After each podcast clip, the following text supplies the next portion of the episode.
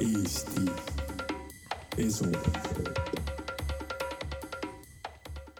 tere, tere, head kuulajad, alustab järjekordne Eesti Eso episood. mina olen saatejuht Taavet Kase ja täna räägime müstilisest teemast nimega Must auk ja külas on mul stuudios Peeter Tenjes, Tartu Ülikooli astrofüüsika professor. tere, Peeter! tere! no nagu just liftis rääkisime, siis must auk on selline üsna müstiline nähtus, et kõik me teame, et ta on olemas, aga mis ta täpselt on või mis seal sees on, on selline hägune maa. kui sa peaksid nüüd mulle kui tavainimesele defineerima, et mis on must auk? no must auk, kõige tähtsam omadus on see, et mustast august ei tule midagi välja, ka valgus ei tule välja. nii et selles mõttes, kuna valgus välja ei tule, siis ta näebki meile täiesti must. see on niisugune nagu noh, omaduse kirjeldus, aga tegelikult päris niisugune selge ja noh, korrektne kirjeldus on see, et must auk on lihtsalt aeg-ruumi singulaarsus ehk siis see väike noh, punkt, tõeline, tõeliselt punkt nullmõõtmega mille tihedus on lõpmatu suur. see on meie praeguste teadmiste kohaselt, tegelikult füüsika ei armasta lõpmatust, nii et see ütleb lihtsalt, et seal meie füüsikateadmised lõpevad. Äh, tihedus on lõpmatult suur, kas selle nii-öelda, selle punkti väiksus on ka lõpmatult väike? just, täpselt sellepärast ongi, kuna mass on lõplik, aga mõõtmed on lõpmatult väikesed, siis eks mingi arv jagada nulliga on lõpmatus mm. -hmm päris keeruline on äh, nii-öelda enda tavalise ajuga seda kuidagi mõista, et, et ma saan nagu sinu sõnadest aru, aga keeruline on seda nii-öelda ette kujutada. et äh, kuidas, kuidas, kui ma üldse taevasse vaatan, on ju, ütleme, et ma suunan sinna mingisuguse väga võimsa teleskoobi, kuidas ma musta auku näha võin, et ma saan aru, et kosmoses on, kõik on must, on ju, ja auk on must, et eh, kuidas nagu sa selle musta augu taevast üles leiad? no kõige paremad sellised pildid mustadest aukudest, kahest mustast august, on saadud tegelikult raadioteleskoopidega, see oli väga suur niisugune kumu oli, kui nad saadi, üks saadi vist kolm aastat tagasi ja üks pilt saadi lausa selle aasta alguses minu arust oli ja see oli ikka päris suur uudis, nii et oli Delfis, käis igal pool läbi ja et eks nähti, nähti musta auku ja, ja oligi niimoodi, et äh, nähti hästi-hästi väikest, täiesti tumedat, täiesti musta äh, kohta, mida ümbritses äh, siis selline noh, niisugune helendus. ja see helendus on lihtsalt see, et, et äh, igalt poolt kaugemalt tulevad footonid äh, seal noh, kalduvad musta augu lähenedes natuke kõrvale. ja me näeme neid, aga päris noh, sealt niimoodi otseselt läbi ei tule midagi ja see ongi täiesti must. ja seda niisugust hästi väikest helenduvat piirkonda siis õnnestuski raadioteleskoopidega näha et, et me saame nii-öelda musta auku, me saame noh, põhimõtteliselt me saame nagu oletada, et on seal tänu sellele, mis toimub tema ümber, on ju. just täpselt ja see oli nagu sellised kõige otsesemad, aga, aga varem on musti auke ka, eks leitud. Juba, või õigemini musta augu kandidaate tuleb öelda. see on ka sellepärast, et kui aine hakkab musta auku langema, noh, ümbritsev gaas või mis seal, mis noh, ongi tavaliselt gaas, musta auku langeb, no oletame, et musta auk on kaksiktäht, üks kaksiktähe üks komponent, siis teiselt tähelt võib gaas langeda musta auku gravitatsiooni tõttu lihtsalt, musta augu gravitatsioon on tohutult tugev, see sinna langev gaas nagu eks gravitatsiooni väljatoiming kiireneb tugevalt, gaas hõõrdub ka, gaasil on viskoossus olemas, nii et gaas hõõrdub ja hõõrdumisega kuumutub, kuumutub erakordselt kuumaks siseosad niimoodi, et röntgenkiirgust kiiravad ehk siis miljonid, miljonid kraadid. ja seda me saame röntgenteleskoopidega näha ja ongi nähtud ja selle alusel ongi arvatud, et seal peab olema must auk, sest mis see muu saaks seal väikeses, väikeses piirkonnas gaasi nii tohutult kuumaks ajada mm. -hmm. ja tänu sellele siis kuumusele me näeme seda nii-öelda niisugust halo või, või seda onju. aga kuidas, äh, sa mainisid siin sellist asja nagu kaksiktäht, et äh, kuidas mustad augud tekivad üldse? no mustad augud võivad tekkida tegelikult väga mitmet moodi, see, mida sa nüüd praegu küsisid, see on, et kuidas tekivad nii-öelda noh, noh, stellaarsed või tähelised mustad augud, need tekivadki, eks, tähelised selle, sellepärast, et nad ongi tähtedest tekkinud. see on siis, kui täht, mingi massiivne täht, meie päikesest seda ei juhtu.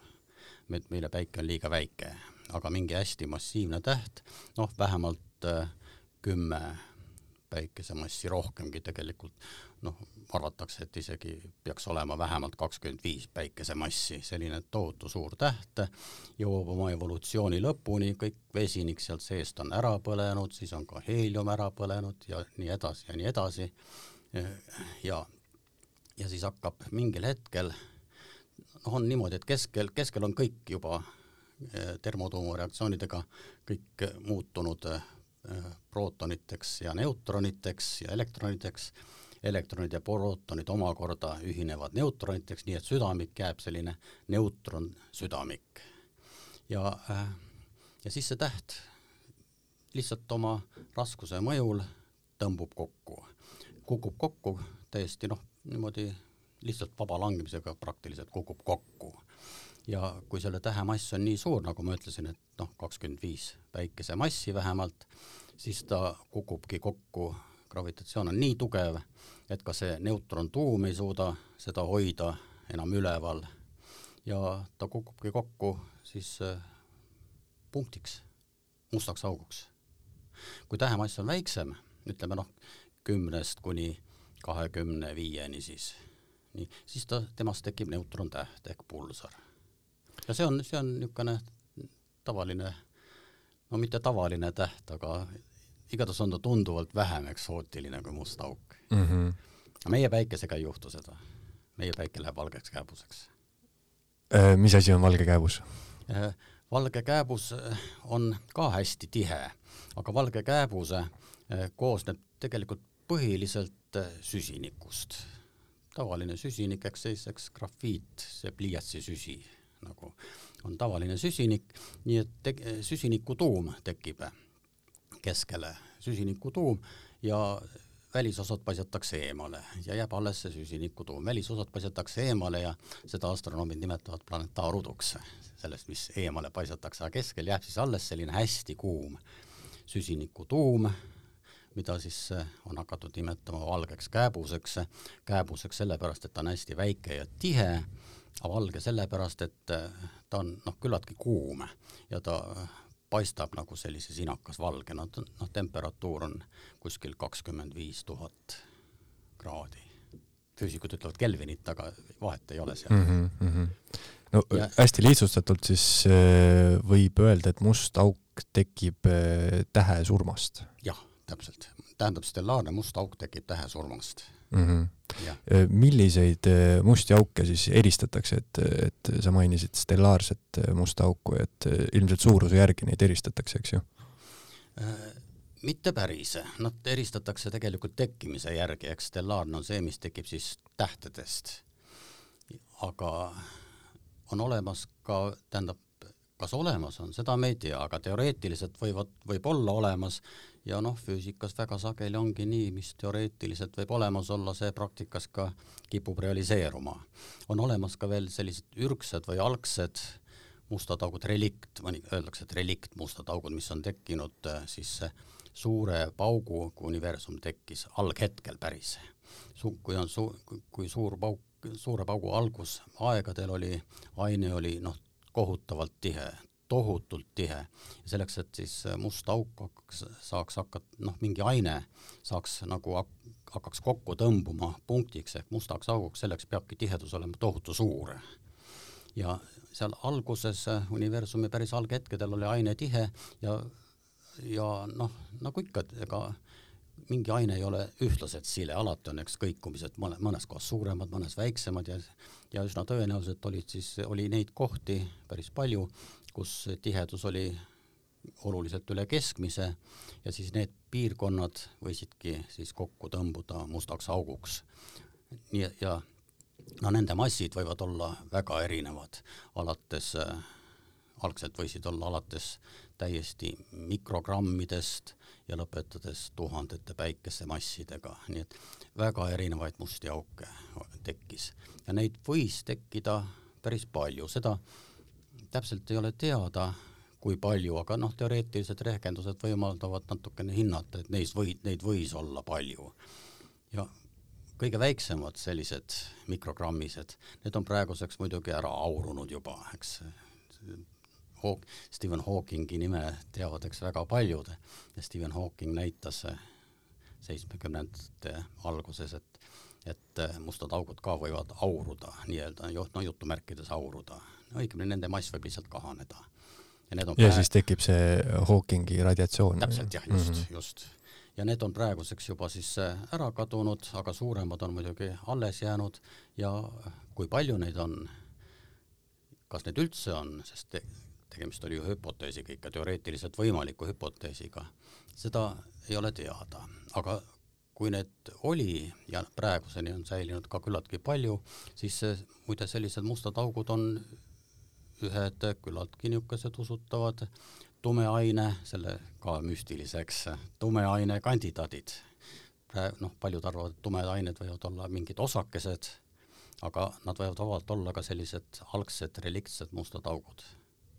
selle kohta on ka Eesti teadlased teinud mõned artiklid keemilise mm -hmm. bioloogilise füüsika instituudist kui ma nüüd mõtlen äh, tähest tekkinud äh, mustale augule, et siis äh, kas must auk saab ka kasvada, et minu mingi hästi lihtne loogika ütleb seda, et kui mul on kaks üsna lähe, lähestikust tähte, onju, ja üks neist nii-öelda sureb, siis ta oma tohutu gravitatsiooniga võib-olla tõmbab ka selle teise tähe endasse, et kas see siis must auk nagu kasvab jaa, mustad, mustad augud äh, kasvavad, sest ka noh, erinevad tähed võivad lihtsalt kokku põrkuda ja kaks musta auku võivad kokku põrkuda ja tulemuseks on suurem must auk lihtsalt.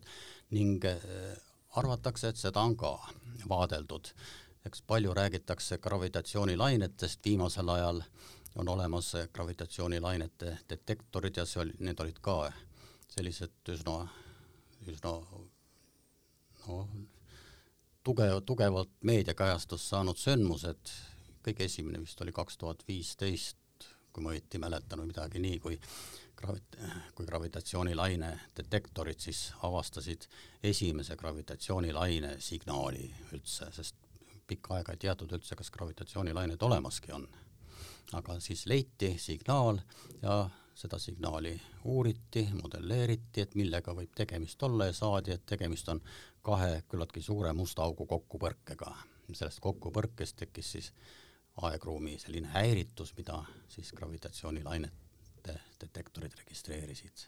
ja see gravitatsioonilaine siis ütleme, kahe musta augu põrkumisel, see justkui niimoodi levib mööda universumit siis kuni meieni, on ju? jah, just, täpselt nii. ja see on, ma kujutan ette, no mingisuguste miljonite aastate jooksul ikkagi jah, sest need olid äh, päris kauge, need mustad augud, mis kokku põrkasid, olid päris kauged mm. -hmm. aga teoreetiliselt siis äh, ütleme, need lained, mis meieni jõudsid, et äh, sellest põrkumisest teoreetiliselt praeguseks võivad olla need mustad augud on ju noh, nii-öelda aurustunud?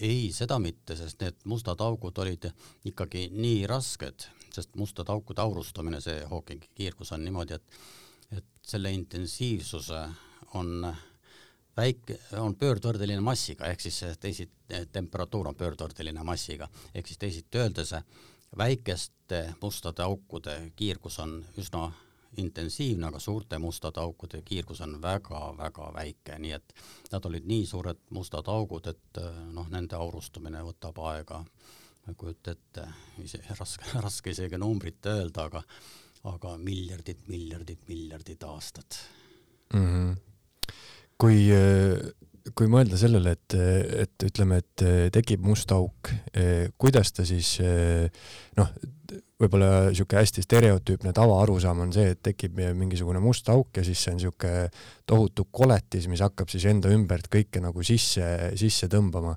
et ja nagu sa ütlesid, siis see on nagu lõpmatult väike punkt tegelikult, et et kas, kas see vastab tõele, et ütleme, kui ma ei tea, maast siia kuhugi nii-öelda võrd-, võrdlemisi lähedale tekiks mingi must auk, siis kas meid lihtsalt imataks sisse?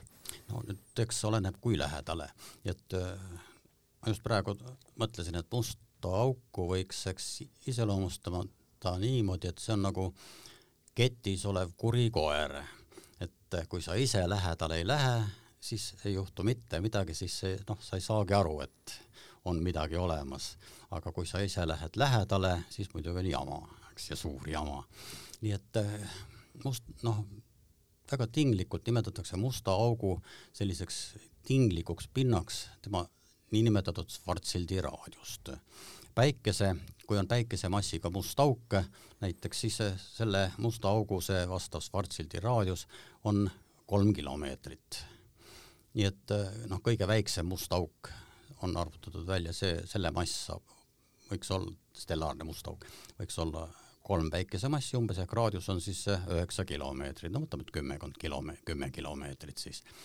see on see on selline tinglik matemaatiline pind, mida noh, on hakatud kasutama. ja kui äh, umbes oled kümne selle raadiuse kaugusel, ehk siis äh, noh, saja kilomeetri kaugusel sellest, siis tegelikult see aegruum ei ole, ei ole praktiliselt enam üldse kõver, see aegruum on juba üsna, üsna tasane ja tegelikult äh, sa ei saagi aru, et seal on must auk, seal gravitatsioon on küll, sa saad aru, et gravitatsiooni toimel, et seal on mingi keha, aga ta ei ime sind sisse. selleks, et äh, see must auk hakkaks sind niimoodi lootusetult täiesti sisse imema, peab pead sa minema mustale augule umbes selle kolme raadiuse, kolme Schwarzschildi raadiuse lähedusse. kolm, ongi kolm, kolm raadiust ongi selline piir, kus on veel võimalik niimoodi mingil kehal selline stabiilne ringorbiit ehk siis tii-, et tiirled nagu kaaslane ümber selle musta augu ja oled seal stabiilselt, sinuga midagi ei juhtu, seal võid, eks, nii-öelda istuda ja vaadata siis musta auku, aga see on kolm ra-, kolm seda raadiust, ehk siis noh, kolmkümmend kilomeetrit. No, kolm, aga kui lähed lähemale, siis ei ole mingit pääsu. kosmiliste kauguste mõttes on see, need kilomeetrid ikkagi äärmiselt ühine ja, maa, on ju? täpselt, jah et ütleme isegi, kui ma nüüd kujutan ette seda noh, kahekümne viie päikesemassiga musta auku, siis ega ta noh, kosmiliselt ikkagi nagu ja. ülisuure raadiusega ei ole. jah, täpselt ja need on üsna väikesed. Ja kuna kosmoses on tühjust on ikkagi päris palju, siis äh, noh, selle, seda me võime, seda me teame, et meie päikesesüsteemis siin kuskil sees musta auku ei ole, aga lihtsalt mitte sellepärast, et me, et midagi sinna kukuks ei, ta, ta võiks iseenesest vabalt olla ja noh, me ei saa arugi, et ta seal oleks, aga eks kuna ta on ikkagi kakskümmend viis päikesemassi, siis äh, satelliitide liikumine, kõikide planeetide liikumine oleks ikkagi sel-, nende liikumiste häirituste alusel me saaksime aru, et kuskil seal päikesest kaugel kuskil päikesesüsteemi ääremaal on mingisugune tohutu massiivne keha, sealt me saaks aru, aga mitte sellepärast, et me kuidagi äh, sinna kukuksime või midagi niimoodi. ta rahulikult võiks eksisteerida põhimõtteliselt seal. ma olen kuulnud ka sellist juttu, et äh, iga universumi keskel on tohutult suur must auk ja, ja noh, nii palju, nii palju, kui meile nagu visuaalselt siis äh, näidatakse seda onju, siis see näebki välja sihuke, sihuke nagu keeris, mille keskel on onju auk, et kas see vastab tõele? tähendab iga galaktika keskel või? iga galaktika ja, keskel jah? jah, tõenäoliselt jah. nii palju, kui on neid galaktikate keskkohti on hoolega uuritud, tõepoolest kõikide keskel seni praktiliselt on leitud selline väga ülimassiivne must auk ka meie linnutee keskel. linnutee keskel oleva musta augu mass on praegu üsna hästi teada, see on noh, umbes neli miljonit päikesemassi. aga mitmed, on isegi mõned galaktikad, kus on mitu miljardit päikesemassi, selline must auk ja on küll, jah. kas meie, meile kõige lähem galaktika on see Andromeda galaktika?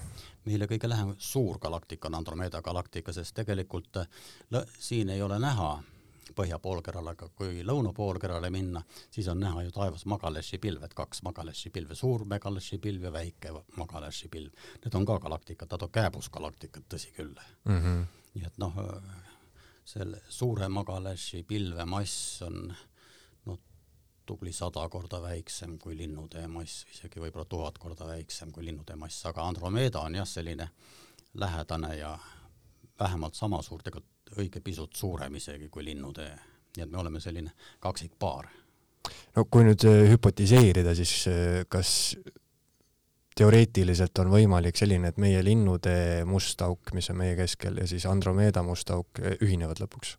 jaa, see on täiesti võimalik tõsi, see võtab palju aega, aga nimelt äh, Andromeed, äh, nüüd äh, üks Euroopa Kosmoseagentuuri satelliit Gaia mõõtis ära täpselt, kuidas Andromeda taevas liigub.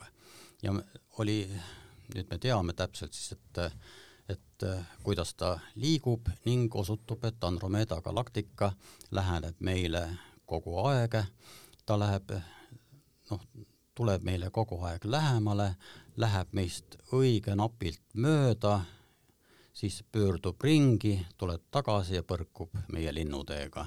see juhtub kuskil kuue miljardi aasta pärast. nii et see esimene lähenemine on kuskil noh, niimoodi nelja miljard, nelja miljardi aasta pärast, siis ta läheb nagu mööda servapidi, aga siis tuleb tagasi ja kuskil kuue viie poole kuue miljardi aasta pärast põrkub meie linnutee galaktikaga ja no on küllaltki tõenäoline, et need keskosad lõpuks ühinevad ja ka need keskel olevad mustad augud ühinevad mm. -hmm. aga nagu ma aru saan, siis see ei pruugi üldse tähendada nende kahe põrkunud galaktika nagu lõppu. et lihtsalt tekib üks suurem galaktika, millel on suurem kesk, keskel asuv must auk. jah, jah mm, -hmm. täpselt nii. kuidas üldse on võimalik eh, nende mustade aukude massi mõõta, et kuidas eh, võib välja arvutada, et näiteks, et meie galaktika keskel on, mis sa ütlesid, neli miljonit päikesemassi? jah, äh, seda arvutatakse teiste tähtede liikumiste järgi. näiteks meie, just see, näiteks meie galaktika keskel oleva musta augu mass on arvutatud noh, umbes kümmekonna, kümmekonna tähe orbiit, mis on seal musta augu lähedal tiirlevad. teleskoopidega, heade teleskoopidega on neid võimalik tähti vaadata, nende orbiiti arvutada täpselt, et kuidas nad, millisel orbiidil nad tiirlevad ja siis Kepleri seadustest või lihtsalt Newtoni teisest seadusest arvutada, Newtoni teine seadus pluss gravitatsiooniseadus, nende alusel arvutada välja täpselt siis, et milline peaks olema seal keskel oleva keha mass et nad tiirleksid seal siis sellise kiirusega, nagu nad tiirlevad ja sellisel kaugusel, nagu nad tiirlevad. päikesemassi on võimalik ka täpselt samuti välja arvutada Maa orbiidi kaudu, et Maa orbiidi kaugus Päikesest ja Maa liikumine oma orbiidile. selle alusel saab päikesemassi välja arvutada mm. -hmm siin mõned aastad tagasi või see on vist isegi päris, päris ammu juba, oli üks väga kuulus Hollywoodi film nimega Interstellar, kus siis lubati, et eh, inimene läheb musta augu sisse ja noh, filmis läkski. ja, ja seal hakkaski muutuma põhiliselt vist aeg, kui ma õigesti mäletan, et, et sa mainisid ka siin mitu korda, et musta augu ikkagi läheduses, raadiuses hakkab see aegruum nagu nihkuma, et no isegi seda on mul üsna raske mõista, et kuidas nagu valgus mustast august ei pääse, aga siis, et must, musta augu gravitatsioon on järelikult niivõrd tugev, et isegi aeg ei pääse sellest või aeg muutub siis nagu mingisuguseks äh, suhteliseks dimensiooniks, mis nagu ei kulge enam lineaarselt äh, nagu, nagu meie seda mõistame, et, et kuidas seda seletada? tähendab jah, see, et aeg, aeg hakkab teistmoodi kulgema, see ei ole mitte ainult musta auguga, aga see on igasuguse igasuguse gravitatsiooni puhul ja näiteks eks kindlasti sa oled kasutanud äh, oma mobiilis GPS-i, eks, kõik on kasutanud GPS-i. olen. täpselt, aga GPS töötab nii täpselt ainult tänu sellele, et osatakse arvesse võtta seda, et need satelliidid, mis siis umbes noh, kahekümne viie tuhande kilomeetri kõrgusel liiguvad kõik ja signaali siis annavad meile ja me mõõdame neid, et ole, osatakse arvestada seda, et erirelatiivsusteooria tõttu aeg seal aeglustub, sellepärast et nad liiguvad kiirusega neli kilomeetrit sekundis, nii kõrgel umbes, ja see tingib juba, eks vastavat, on vaja arvesse võtta Einsteini relatiivsusteooria parandid aga sellest ei piisa ainult. tegelikult on vaja arvesse võtta ka üldrelatiivsusteooria parandit ehk seda, et maa gravitatsiooni tõttu aeg ka muutub. maapinna lähedal, siin kus meie oleme, on gravitatsioon tugevam, aeg kulgeb aeglasemalt ja seal kulgeb, on gravitatsioon nõrgem, seal kulgeb aeg pisut kiiremini ja neid parandeid on vaja tingimata arvesse võtta, see, et gravitatsioon mõjutab aega kui me neid parandeid arvesse ei võtaks, siis äh, GPS-i see noh, äh, koordinaadid äh, umbes ühe tunniga lähevad valesti nelisada meetrit, eks, mis teeb GPS-i mõttetuks täiesti. aga, aga nii, et tuleb kõike seda väga täpselt arvesse võtta, isegi maa gravitatsioon mõjutab aega, rääkimata musta augu, mis on, mis on väga tihe tema gravitatsioonist. kas seda on, seda nii-öelda ajanihet on kuidagi võimalik välja ka konkreetselt arvutada, et, et kui näiteks selles filmis oli seal toodud näide, et äh, üks tund selle musta augu nii-öelda läheduses äh, võrdus siis seitsme aastaga siin meie maakeral. jaa, täpselt, seda on, tähendab, äh, seda peab, selleks, et GPS töötaks, peabki olema seda võimalik täpselt välja arvutada ja kui ta maa gravitatsiooni puhul on võimalik välja arvutada väga täpselt, siis ka loomulikult musta augu puhul, sest võrrandid on täpselt samasugused mm. -hmm. ja ütleme, teoreetiliselt siis ajas rändamine toimiks niimoodi, kui ma tulen ainult musta augu lähedalt, tulen nagu maale tagasi, et siis ma näen seda noh, tohutut nihet, onju et tegelikult ajas rändamine on natukene, natukene teine teema. ajas rändamise, ajas rändamine toimub noh, niinimetatud äh, ussiaukude kaudu, ehk siis äh, kui mingis ruumipunktis äh, oletame, et moodustub must auk, selle must, must auk selle ja mingis teises ruumipunktis moodustub siis noh, oled, no ütleme, et mingi teine must auk ja need kaks musta auku siis mingis kõrgema, mingis muus dimensioonis ühinevad. Omavahel, siis moodustubki niimoodi aegruumi tunnel ühest ruumipiirkonnast teise no täpsemalt küll öeldakse selle kohta, et ühes piirkonnas moodustub must auk, teises piirkonnas moodustub nii, niinimetatud valge auk, mis on musta augu antipood lihtsalt. aga üks on nagu sissepääs, teine väljapääs on ju. jah mm, -hmm. just, just, aga peab moodustama selline aegruumi tunnel, mida on hakatud nimetama siis ussiaukudeks, mis on eks ka äh, õuna võime kujutada ette, ütleme, et õun on nagu kõver, kõvera ruumi pind lihtsalt ja eks, ja mööda pinda on äh, ühest august teise pikem tee kui otse läbi, läbi õuna, eks. ja kui on lühem tee, siis järelikult on võimalik aega võita sealt läbi minnes. ja sobilikult niimoodi manipuleerides minekuga on võimalik, eks siis äh, noh, illu-, illusoorselt liikuda kiiremini kui noh, tinglikult kui valguse kiirusega, eks, seda valguse kiirusega me saame liikuda, eks, mööda õunapinda, õunapinda jah ja, täpselt, aga läheme lühemat teed moodi, me läheme küll sama kiirusega, aga ikkagi, aga kohale jõuame varem. ja niimoodi on, kui koostada siis selle kohta ka mingid sellised trajektooride noh, luupe, siis on võimalik isegi vähemalt niimoodi hüpoteetiliselt minevikku rännata, tulevikku rännata ja niimoodi ajas rännata.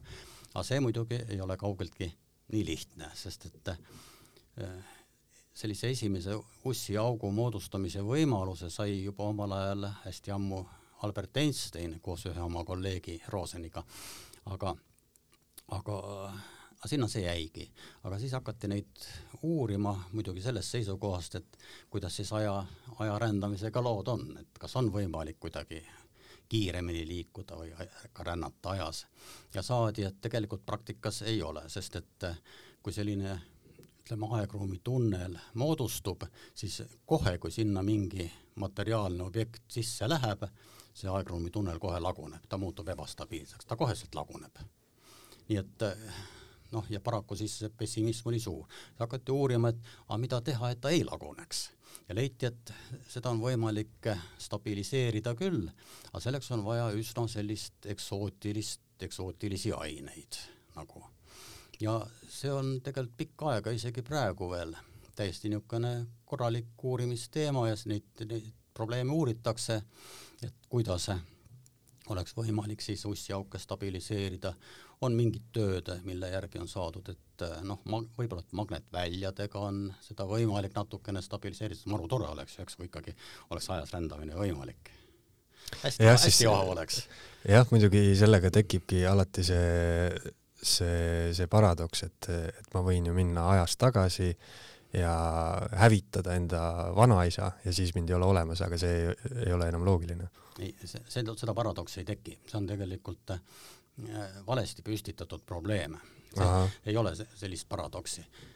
Äh, sest äh, noh, kõige olulisem, mis on, et alati igasuguste toimingute, kõikide asjade juures tuleb arvestada füüsikaseadustega. füüsikaseadustest me ei pääse, sest eks ja vaba tahe seejuures ei aita meid sugugi, sest noh, näiteks kui ma istun siin praegu, eks taburitil ja mul on vaba tahe ja ma võin ju hirmsat moodi tahta iseennast selle tooliga üles tõsta no proovi, eks see ei õnnestu, seda kõik teavad, ei õnnestu ennast üles tõsta.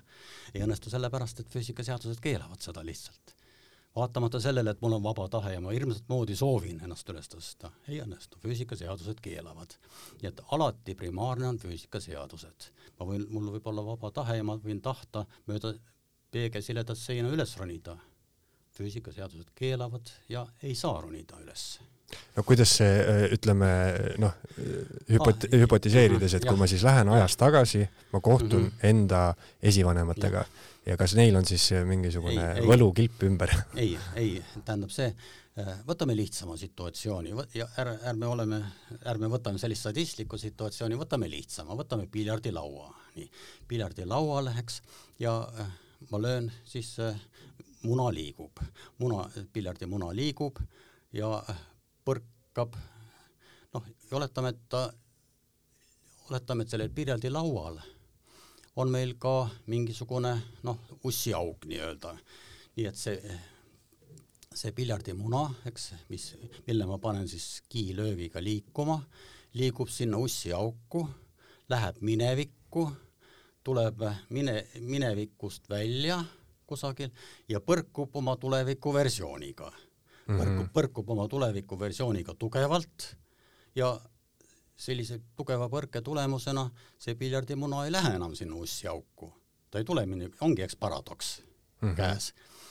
eks me võime uurida seda paradoksi, see on täpselt sama nagu eks iseenda mineviku versiooni mm -hmm. nagu tapmine või, või esivanema. aga see on valesti püsti-, see on ka, siit on nagu kergem saada aru, et mikspärast see valesti püstitatud probleem on nimelt me ei tohi, me ei tohi seda asja vaadata niimoodi kahe sõltumatu versioonina, et, et kõige, muna liigub niimoodi, siis äh, kukub ussiauku ja siis tuleb ussiaugust välja minevikus kunagi ja läheb, nüüd põrkub kokku uuesti. me peame vaatama alati kõiki selliseid füüsika ülesandeid ja pro füüsikalisi probleeme, see on puhas füüsikaline probleem, eks muna punktmasside põrkumine kooskõlaliselt. see tähendab, et kogu füüsikaline süsteem peab olema kooskõlaline. kogu süsteemi algus ja lõpp peab olema kooskõlaline. see tähendab, kooskõla, kooskõlalisuse nõue on, on igasuguste füüsikateooriate üks olulisemaid selliseid noh, nõudeid ja piiranguid ainult siis sündmused realiseeruvad, kui nad on kooskõlalised. ja, ja kooskõlaline nõue on see, antud juhul seal piljardimunade puhul kooskõla, kooskõlalisuse nõue on see, et me peame vaatama kogu seda suletud süsteemi niimoodi ühtse tervikuna ja vaat-, vaatama, et millal on, millistel tingimustel on võimalik selline olukord, et muna saab liikuda, minna minevikku, põrkuda eelmise munaga ja saab ka jälle, see kukub uuesti ussiauku ja läheb minevikku, et ühesõnaga algus ja lõpp peavad olema kooskõlalised, ainult sellised süsteemid realiseeruvad füüsikas.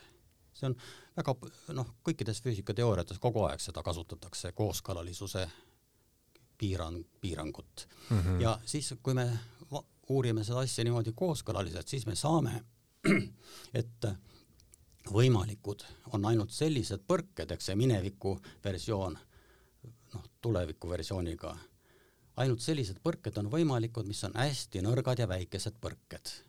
see tähendab seda, et, et see mineviku pall põrkab oleviku palliga nii nõrgalt, et ta noh, saab minna uuesti sinna ussi auku ja tulla minevikust tagasi, ainult selli-, ainult sellised situatsioonid on võimalikud. et justkui nagu asjade nii-öelda käik radikaalselt ja, ei saa muutuda? jah, jah, täpselt. ja see on füüsikaseadus mm, -hmm. see on kah pii-, piirab palju igasuguseid võimalusi, aga see on füüsikaseadus ja nii see on. selle kohta vot oli üks äh, kirjanik, Isak, Isak Asimov, kellel oli raamat Igaviku lõpp seal oli ka niimoodi, igaviku lõpp, seal oli ka, mängiti minevikku minemisega ja seal olid arvutid, mis arvutasid välja siis, et mil-, et kui minna minevikus, minevikku, teha mingit tegu ja et siis kuidas ta olevikku mõjutab ja arvuti arvutas selle välja kõik ja siis oligi noh, tehti ainult selliseid tegusid, mis nagu noh, andsid väga väikese oleviku pärandi et oleksid kooskõlalised mm. -hmm. aga äh,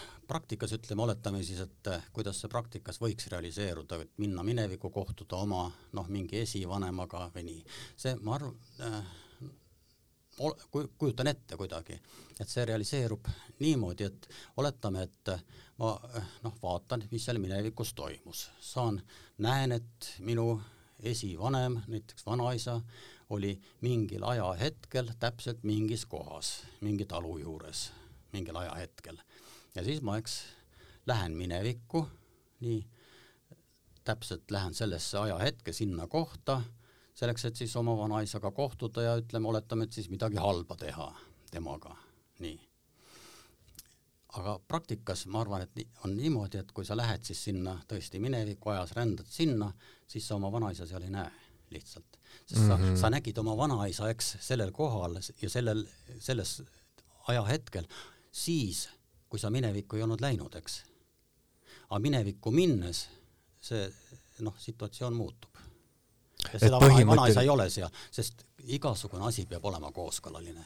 huvitav, kas siin tuleb siis mängu nagu äh, ütleme, see inimese motivatsioon, et kui mul ei ole seda mõtet, et ma nüüd enda vanaisa maha löön, et siis mul on teda võimalik minevikus näha. ja või jah, täitsa, täitsa võimalik, et sa näed või õigemini isegi näed seda kuskilt, eks kaugelt või midagi niimoodi ja jah, jah mm. -hmm. no see... üks, nüüd me jõudsimegi selle teema juurde, mis on võib-olla kõige põnevam, et, et mis siis juhtub mustade aukude sees onju ja see ussiaugu teooria on üsna põnev, et et noh, pealiskaudselt olen kuulnud ka seda, seda dimensioonide versiooni, et kui me võtame need piljardikuulid, onju, siis äh, kas on võimalik äh, see, et, et kõik need variandid on võimalikud, et mul on võimalik ühes dimensioonis see, et et see põrge ei ole nii tugev, et see peab, onju, minema tagasi sinna ussiauku ja teises dimensioonis on võimalik see, et et see põrge on nii tugev ja see ei, ei lähegi ussiauku.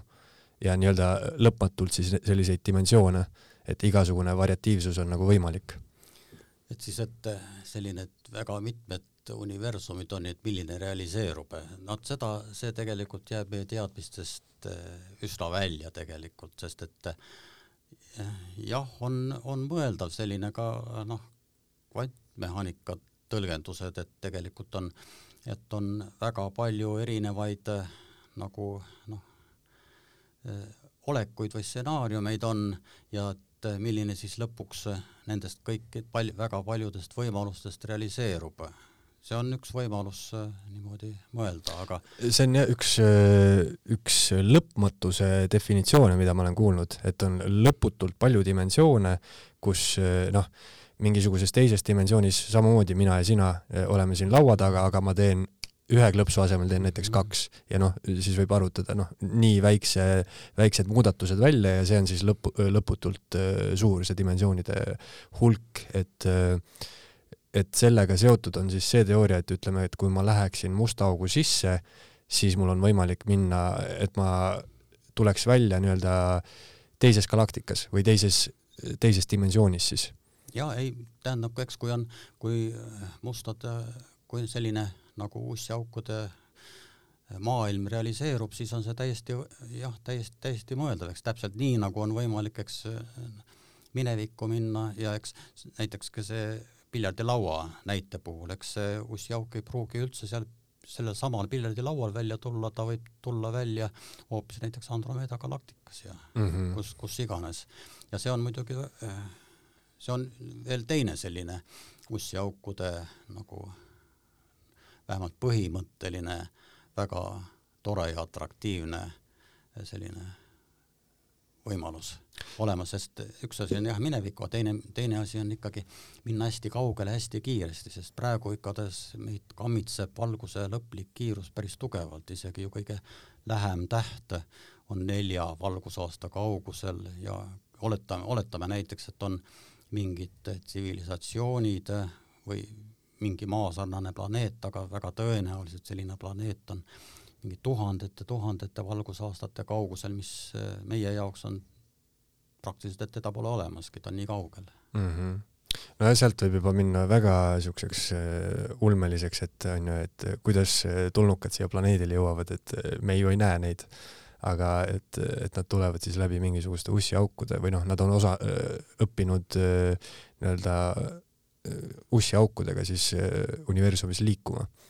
aga rääkides sellest, et mulle tundub, et musta augu ja, ja meie tavalise surma vahel võib siin väga palju paralleele tuua, et, et me justkui mõistatame, mis siis erinevad variandid on ja kõige nii-öelda kõige lihtsam, kõige loogilisem ja kõige vähem, kõige vähem keeruline seletus on see, et kui sa lähed musta auku, siis sa lihtsalt noh, igasugune asi laguneb koost, on ju, ja, ja siis sa muutud nii-öelda selleks osaks mustast august.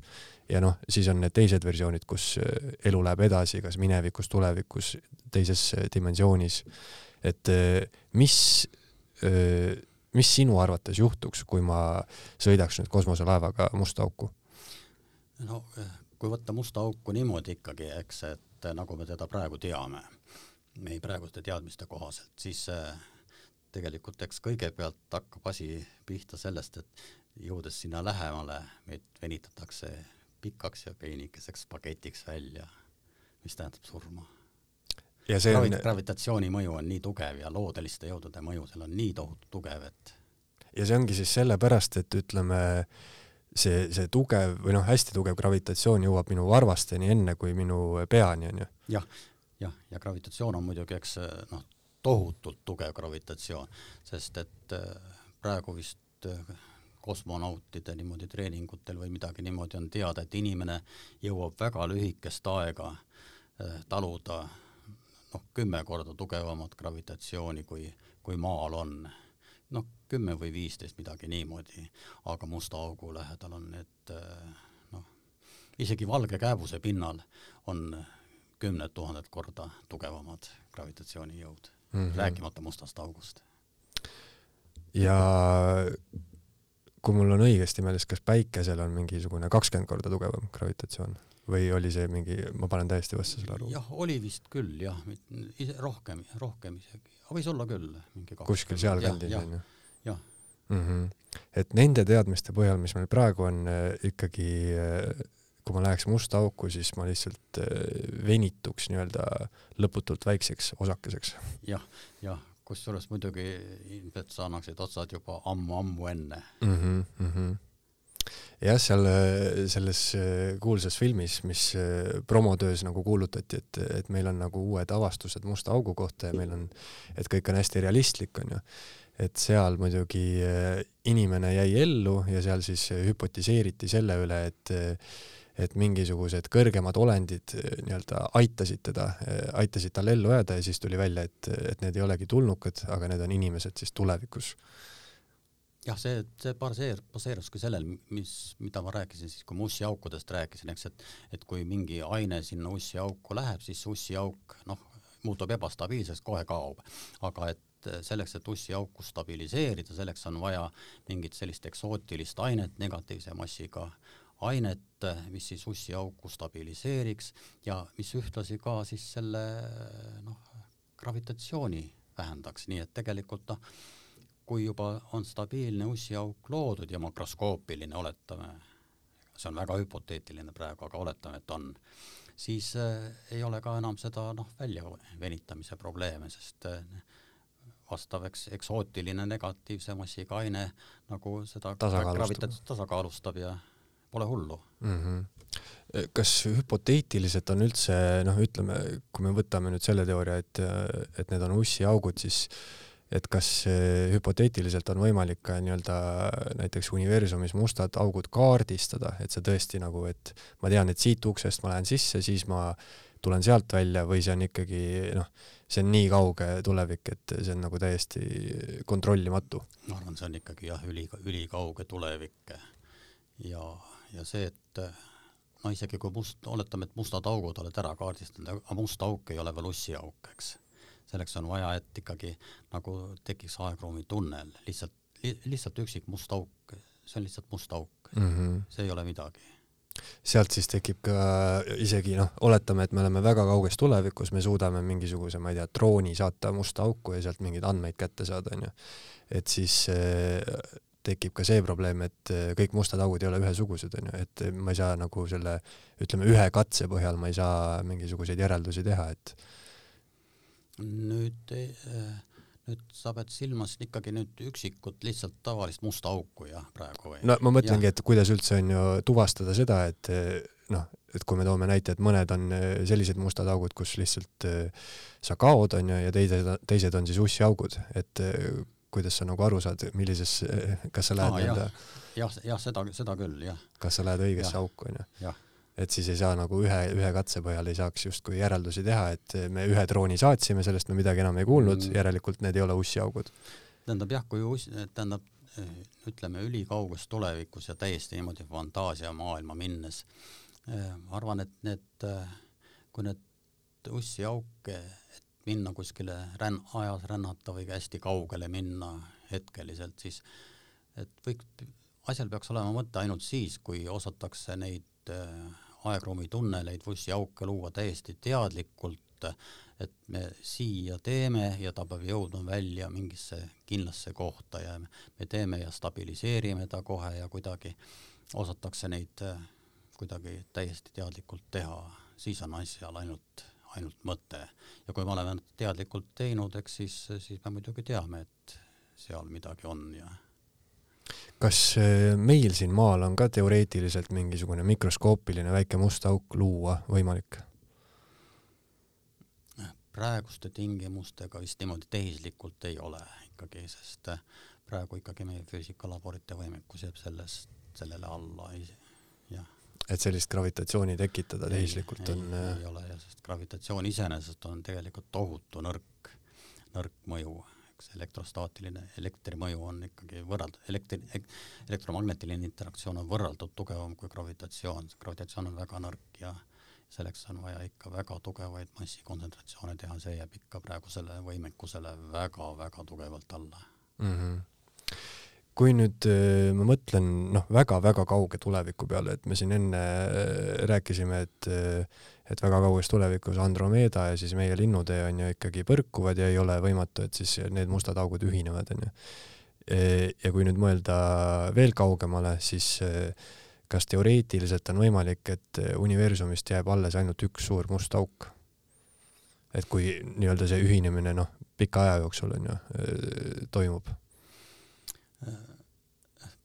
praeguste andmete alusel see vist ei ole siiski võimalik, sellepärast et see sõltub sellest, et äh, kuidas meie universum areneb, kuidas see paisumine, paisumine nagu areneb. praeguste andmete alusel ikkagi paisumine kogu aeg toimub, täpselt ei tea, kas ta on nagu kiirenev paisumine või aeglustuv paisumine, ta hetkel on noh, nagu on veidi kiirenev, aga tulevikus ei, ei ole teada.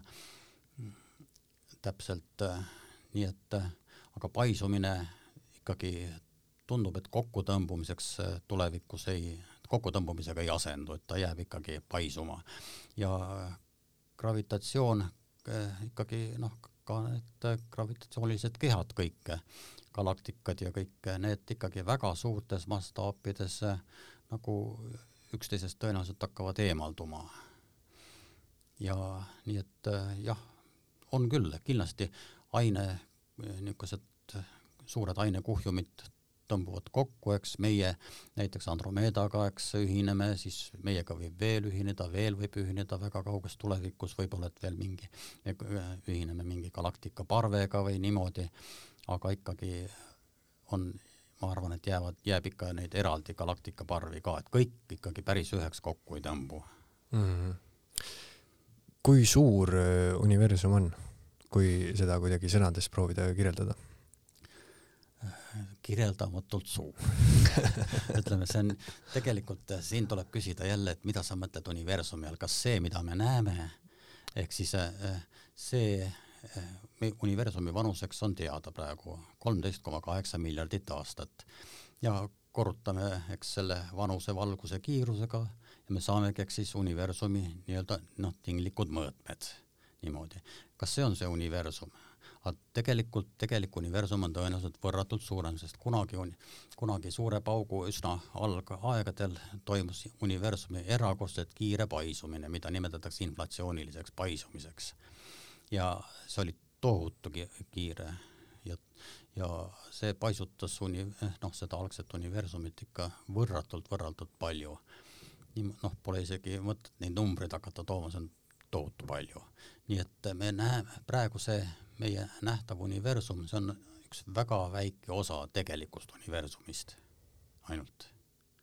aga kui sa mõtled seda, et kui palju jah, see nähtav universum on, ehk siis see universumi vanuse korrutada valguse kiiruse, siis seda on võimalik jah, kergelt niimoodi välja arvutada, lihtne mm -hmm. korrutamistehe ja. jah, ma olen äh, kuskilt äh, kuulnud niisugust meelelahutuslikku näidet, et, et umbes, et kui sa vaatad taevasse, näed, täis taevas on ja siis sa paned, on ju, sinna, paned ühe näpu ette ja siis äh, äh, et kui suure osa siis katab ära universumist sinu näpuküüs, on ju. et kui sa vaatad niimoodi ja noh, see osa on niimoodi mingisugune noh, lõputult väike mm. -hmm. Ja. et mitu protsenti on ju siis ja. universumist ära katad. jah, nii et tegelikult ikkagi me teame väga väikest osa universumist ainult ja, ja selles mõttes meie teadmised on nagu küllaltki piiratud, aga, aga teisalt äh, on, meid aitab üks, üks väga lihtne fakt. meid ait-, meid aitab see, et füüsikaseadused on kogu universumis ühesugused. see on, eks ei ole niisugune tugev väide, et kust me teame, et see on nii, et ka kõige kaugemates galaktikates füüsikaseadused on täpselt sellised, nagu meil siin laboratooriumites on. Kar-, väga niisugune tugev kõva sõna, nagu öeldakse mm. -hmm aga nii see on, seda me teame, see ei ole mitte hüpotees, vaid see on fakt täiesti, sest ka kõige kaugematest galaktikatest me saame vaadata tähtede spektrit, mõõta. teleskoobi ja spektrograafi abil mõõdame tähe spektri ja saame, et selles kõige kaugema galaktika spektris on spektrijooned täpselt samasugused, nagu on maistes laboratooriumites, ehk tähendab seda, et aatomite ehitust on täpselt samasugune, nagu on siin maistes laboratooriumites, aatomite kiirgus toimub täpselt samasuguste protsessidega nagu siin maa peal. ja äh, see tähendab, et ongi, et füüsika alused on kõikjal sama. et me oleme põhimõtteliselt äh, kõik ikkagi ühest materjalist tehtud, kõik, kõik need asjad, mis siin äh, võimalikud on, on ju? jah, paistab küll praegu nii mm. -hmm no vot, ma arvan, et sellise järeldusega võikski kokku, kokku võtta selle saate, et et mustad augud on noh, ärge liiga lähedale minge siis.